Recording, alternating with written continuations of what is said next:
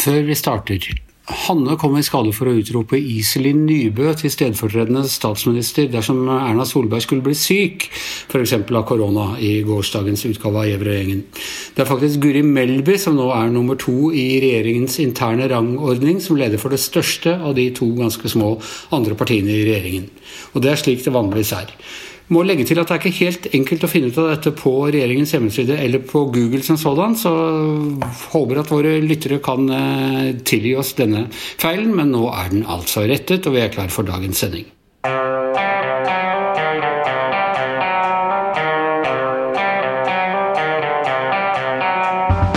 Nye runder med medlemsrot i AUF i Trøndelag, og norsk colaprodusent promoterer konspirasjonsteorier via etiketten. Dette er Giæver og gjengen. Det er torsdag den 18. mars, og det er Arubas nasjonaldag. Vet ikke hvordan du markerer Arubas nasjonaldag eh, nede på Tøyen der, eh, Tone Sofie? Det markerer jeg selvfølgelig med å drikke Tøyen-cola. Nemlig, nemlig. Var, eh, den ballen var perfekt tatt imot, og det skal vi komme tilbake til, uh, tilbake til etterpå. Men først skal vi, altså Medlemsrot og AUF, det var jo i sin tid en gigantisk sak eh, på 90-tallet, hvor det viste seg at omtrent alle ungdomspartiene, men særlig AUF, hadde drevet omfattende medlemsjuks for å få tildelt større mm, offentlige midler. Altså jukset på medlemstallene. Eh, påvirket en hel generasjon med, med politikere, og det ble til og med noen fengselsstraffer og sånn ut av det. Eh, men hva er det som foregår i Trøndelag nå? Den eh, vervepraksisen til AUF har jo vært et eh, tema og irritasjonsmoment i Trøndelag Arbeiderparti i veldig mange år. Bakgrunnen er jo selvfølgelig at man mener at AUF har brukt det her til å få mm, stor makt, både politisk, men også organisatorisk, med sånn plasser i, i i, i styre og stell og, og sånn. Uh, og at man har brukt særlig de her tikronersmedlemmene, da. Men nå har det jo blitt en litt sånn opprydding av det her, og det uh, Fylkesstyret i Trøndelag Arbeiderparti har fått utarbeida en, en, hemmelig rapport, som selvfølgelig har kommet et eller annet medium uh, til hende, Trønderavisa som har fått den først. Eh, og det viser seg jo at det her er jo langt mer enn eh, litt rot. Her er det jo rett og slett medlemsjuks det er påstander om. At eh, mange har blitt verva uten at de vet sjøl at de er blitt verva. Man har brukt om det er brownies og sjokolade og pizza som sånn, og folk har trodd kanskje at de har skrevet under mot andre politiske saker, f.eks. den der fraværsgrensa. At så rett og slett mange har vist seg å vært medlemmer uten at de egentlig har vært det. Har de drevet og meldt inn kjæledyr, papegøyer og hamstere sånn, sånn som de gjorde i Oslo AUF på 90-tallet? Det er i hvert fall en del eh, som de ikke har klart å identifisere da. Nå har jo ikke jeg lest den rapporten, bare lest om den i, i Trønderavisa og Nidaros som har omtalt den ganske mye. Men det har også vært mange mobilnummer som ikke virker og og ikke eksisterer. Så det er liksom tydelig at her har det skjedd et eller annet. Men så liksom grunnen til at det her er sånn sprengstoff i Trøndelag, at det i, i mange år har vært en ganske sånn stor konflikt mellom uh, Trondheim Arbeiderparti og Trøndelag Arbeiderparti og AUF, som uh, mange mener har fått altfor stor makt. Men hva, vært, hva, kan se ut som har vært motivet her? Er det vært å, å få penger, sånn som det var eh, på 90-tallet, eller er det å skaffe seg større politisk innflytelse og liksom øke kjøttvekta delta i uh, utvalg og, og, råd og komiteer?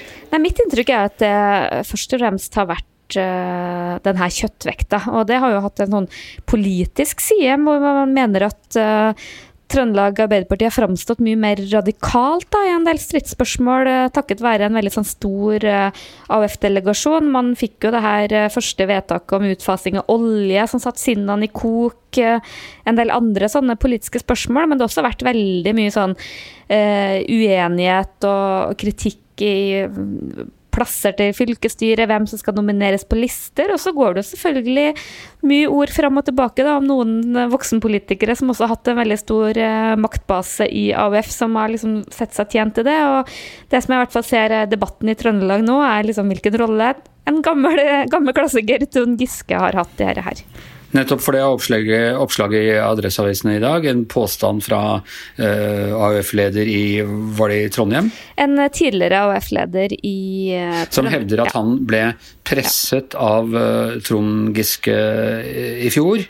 Og, og, truet med at hvis han ikke gjorde som Trond Giske ville, så skulle dette medlemsjukset bli avslørt. Og vi må bare skynde oss å si at Trond Giske totalt avviser disse påstandene. Ja, og det er jo litt sånn eh, ord mot ord, eh, akkurat om det var truer eller pre... Men i hvert fall at det var liksom en sånn dersom eh, ikke han blir fylkesleder, så, så kommer dette her til å bli ettergått. Da, er det som han hevder, og det blir jo helt umulig å vite. Men, men, men det, det, jeg vet, er at det her har vært et kjempeirritasjonsmoment for mange voksenpolitikere i Arbeiderpartiet i mange år.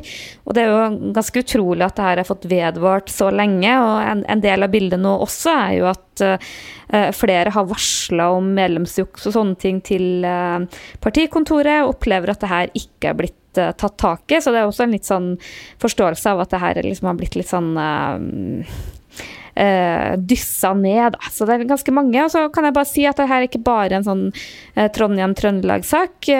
Også i Bergen så har man tidligere hatt sånn ganske sterke beskyldninger om at AUF har har, har verva eller holdt på på samme måten for å sikre makt og noen kandidater. Så det er en litt sånn klassiker, og gjerne litt sånn knytta til storbyene.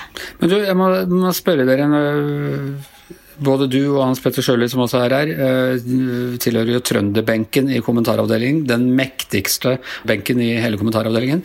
Og jeg har alltid forstått på dere som om Trond Giske og AUF i Trøndelag, at de var liksom De var ett. At det var eh, eh, At det var dem han særlig hadde i ryggen i det aller meste? Ja, det er vel det som er litt av det pikante her, da. Som AUF har jo vært Eh, en del av Trond Giske sin eh, maktbase. Men så vet vi at eh, da Trond Giske i fjor valgte å trekke seg etter disse sakene som kom om nye sånne varslingssaker i Trøndelag, så trakk jo AUF støtten sin. Så det i hvert fall hører en del sånn uh, Har liksom teorier om er, liksom, er det her en hevnaksjon, eller er det ikke? Men liksom, det er liksom litt sånn Det er mye snakk om det. Trond Giske sitt navn får jo alltid folk til å mene veldig sterkt og konspirere og sånn.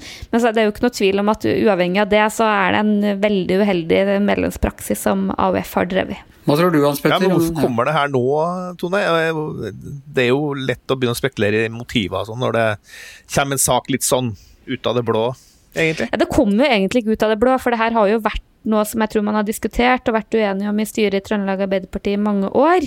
Eh, og så tror jeg at eh, etter det her eh, helt fatale fylkesårsmøtet hvor uh, omtrent all skittentøyet i, i Trøndelag Arbeiderparti kom opp for åpen scene, jeg tror hele landet satt og fulgte det, så tror jeg man var liksom, liksom opptatt av å ta tak i problemene sine. Og det ble satt ned en sånn kontrollkomité som skulle se på alle disse påstandene og alt det som var knytta til eh, uh, AUF sin vervepraksis. Den rapporten er jo klar, er liksom overlevert. Så det er jo en del som sitter på den rapporten. Så det er jo derfor den har eh, kommet ut, og det har skapt debatten òg. Men, men, så særlig hemmelig sånn, Du, du kalte den jo en hemmelig rapport, og det er flere som brukte ordet, men hemmelig er det jo ikke, for den havner jo ut i media, da, og spørsmålet er liksom hvem det er som vil sørge for at den ikke er hemmelig lenger. Hvem er det som har, har, noe å tjene på det? da? Det er jo et spørsmål. Dessuten så vil jeg si, sånn som Snorre Valen, i, som jo nå da er politisk redaktør i Nidaros, skrev i dag at uh, hvorfor, hvorfor, er det så nødvendig å være så forbanna på hverandre hele tida? Altså, det, det, var jo vi som så på dem årsmøtet der oppe i, eh, i Trøndelag i fjor også. Det er jo sånn aggresjon, det er veldig sånn hardt klima, da, og det har jo prega Eh, Trøndelag Arbeiderparti i ganske mange tid, mange, lang tid. Og ja, vi er jo så hyggelige, vi trønderne. Hvorfor er det så hardt? Ja, det er et godt spørsmål, men uh, de er ikke snille med hverandre. Og det har vært veldig mye sånn baksnakking, og en del av kjernen har jo også vært liksom den der um, Trondheim Arbeiderparti har vært en veldig sånn sterk maktfaktor, som har liksom vært litt sånn i krig med Nord-Trøndelag Arbeiderparti, om jeg skal bruke litt sånn veldig forenkla bilder. Men jeg tror også det handler rett og slett litt om at det er mye makt. Trøndelag Arbeiderparti har veldig mye makt i, i Trøndelag, med veldig mange av de mest sentrale posisjonene. Da blir det mye mer avgjørende. Trøndelag Arbeiderparti har hatt stor makt inn i Arbeiderpartiet. så Da tror jeg lett at det, liksom, at, at det blir mye mer alvor og mye mer spisst enn det er nok konflikter i Trøndelag Miljøparti òg, men det, liksom, det, det, betyr liksom ikke så veldig mye, da. Så jeg tror nok det er et uttrykk også for det. Mye på spill. Ja, og høye, høy temperatur hele tiden. Det kan jo være sukkerinntaket. At de rett og slett Hva er den mest populære brusen i, i Trøndelag? Det er selvfølgelig ingefærøl. ingefærøl, ja. Det er ingefærøl, men ellers så er jo brusen oppi der veldig Jeg blir jo gjerne brent, ikke sant? så det ender jo opp i sånn, eh, sånn alternativ blankt. Så da, da, blir ikke så mye Da blir det ikke så bru, mer bru, beruset enn bruset. Mens vi her i Oslo har da vært veldig stolte av vår lokale colaprodusent eh, Tøyen Cola. De var, har til og med vært i noen rettssaker med selveste Coca-Cola om merkevarenavn og, og, litt sånn. og det har vært sånn, Vi har tapt den, selvfølgelig. Davids kamp mot Goliat osv. Men det er jo sånn man, man setter pris på. Det det er gøy med Tøyen byen i Oslo, indre bykjerne. Uh, på østkanten og sånne ting. Men nå, uh, Hans Petter, nå har plutselig har noen Og jeg, jeg, lurer på hvem som oppdaget det, for hvem sitter og leser sånn den der varedeklarasjonen på, på brusetiketten, bortsett fra en del folk jeg vanka sammen med på 70-tallet. Uh, eh, og så har de funnet ut at der står det en så lang, litt sånn paranoid remse antivaksinekonspiranoia? Ja, det her saken her er bare helt fantastisk. Altså, det er eh, Det som står da på den etiketten der, og det er ganske kule etiketter de har, det der eh, O-Mathisen, som det heter, er brusprodusenten. Eh, der, der, står det eh, Det høres ut som en sånn URL, altså sånn webadresse. Så www. Dine rettigheter, covid 1984, 5G, ID 2020, Event 201. Og det er veldig Det er, sånn, det, det, det er ikke noen ekte adresse, men det, det er spett da med, med sånn, sånn konspirasjonshentydninger uh, i, i, i, det, der som står der, da. Ja, for 5, 5G det går på dette her at eh, Bill Gates har putta 5G i vaksinen eller et eller annet sånt ting? Ja, og ikke bare det, men eh, hele 5G-greiene er jo skummelt. fordi de har, de, I England for eksempel, så har de revet ned 5G-masten og sånn. da. Men, men, også, men det, det, det, som er, kalles for, det som heter Event 201, da, det er da det beviset en del sånne konspirasjonsteoretikere har på at Bill Gates visste om eh, eh, koronaviruset før det kom.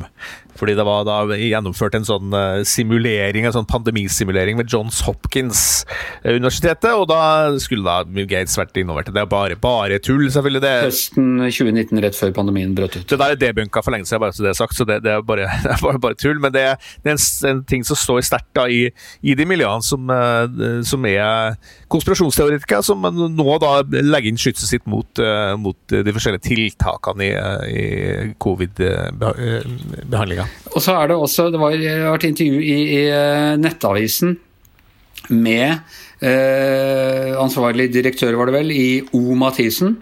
Og øh, Da gjør han ikke saken noe lettere, for han, han unnlater så veldig å svare på spørsmål eh, i det hele tatt. Det er bare noen stikkord, og det bare, skal bare få folk til å tenke. og Han forklarer liksom overhodet ikke hva som er eh, eh, greia først. Da må jeg først forstå hvordan du tolker det, eh, er liksom det klareste svaret han gir til Nettavisen. Det veldig artig at fyren heter Jarle, og vi som uh, husker litt fra tilbake fra på 2000-tallet på litt humor, så tenker jo, tenker jo vårt.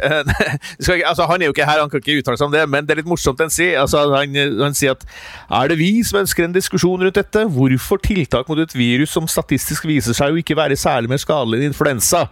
Uh, og sånne ting da. Så da Han svarer bare med spørsmål, og det er ganske vanlig med, med en del sånn konspirasjonsteorier. Da. Det er jo at man i stedet for å liksom bevise det, så sier man meg, jeg bare spør.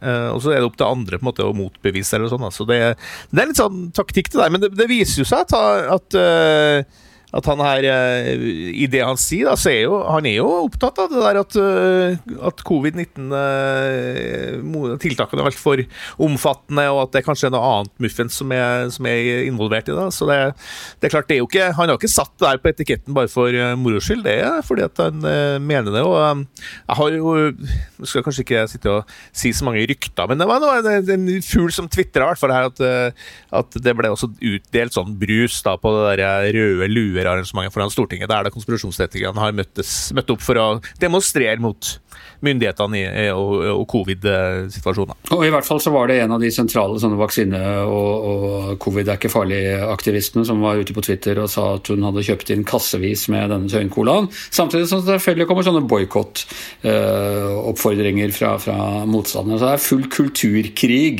rundt denne colaen. Og du Tone Sofie, du befinner deg jo i episenteret for, for Tøyen-cola i Motsfeldts gate. Er, det, er det kamper i gatene da? Ja, jeg syns jeg har hørt veldig mye bråk utafor her, så klirring med glass.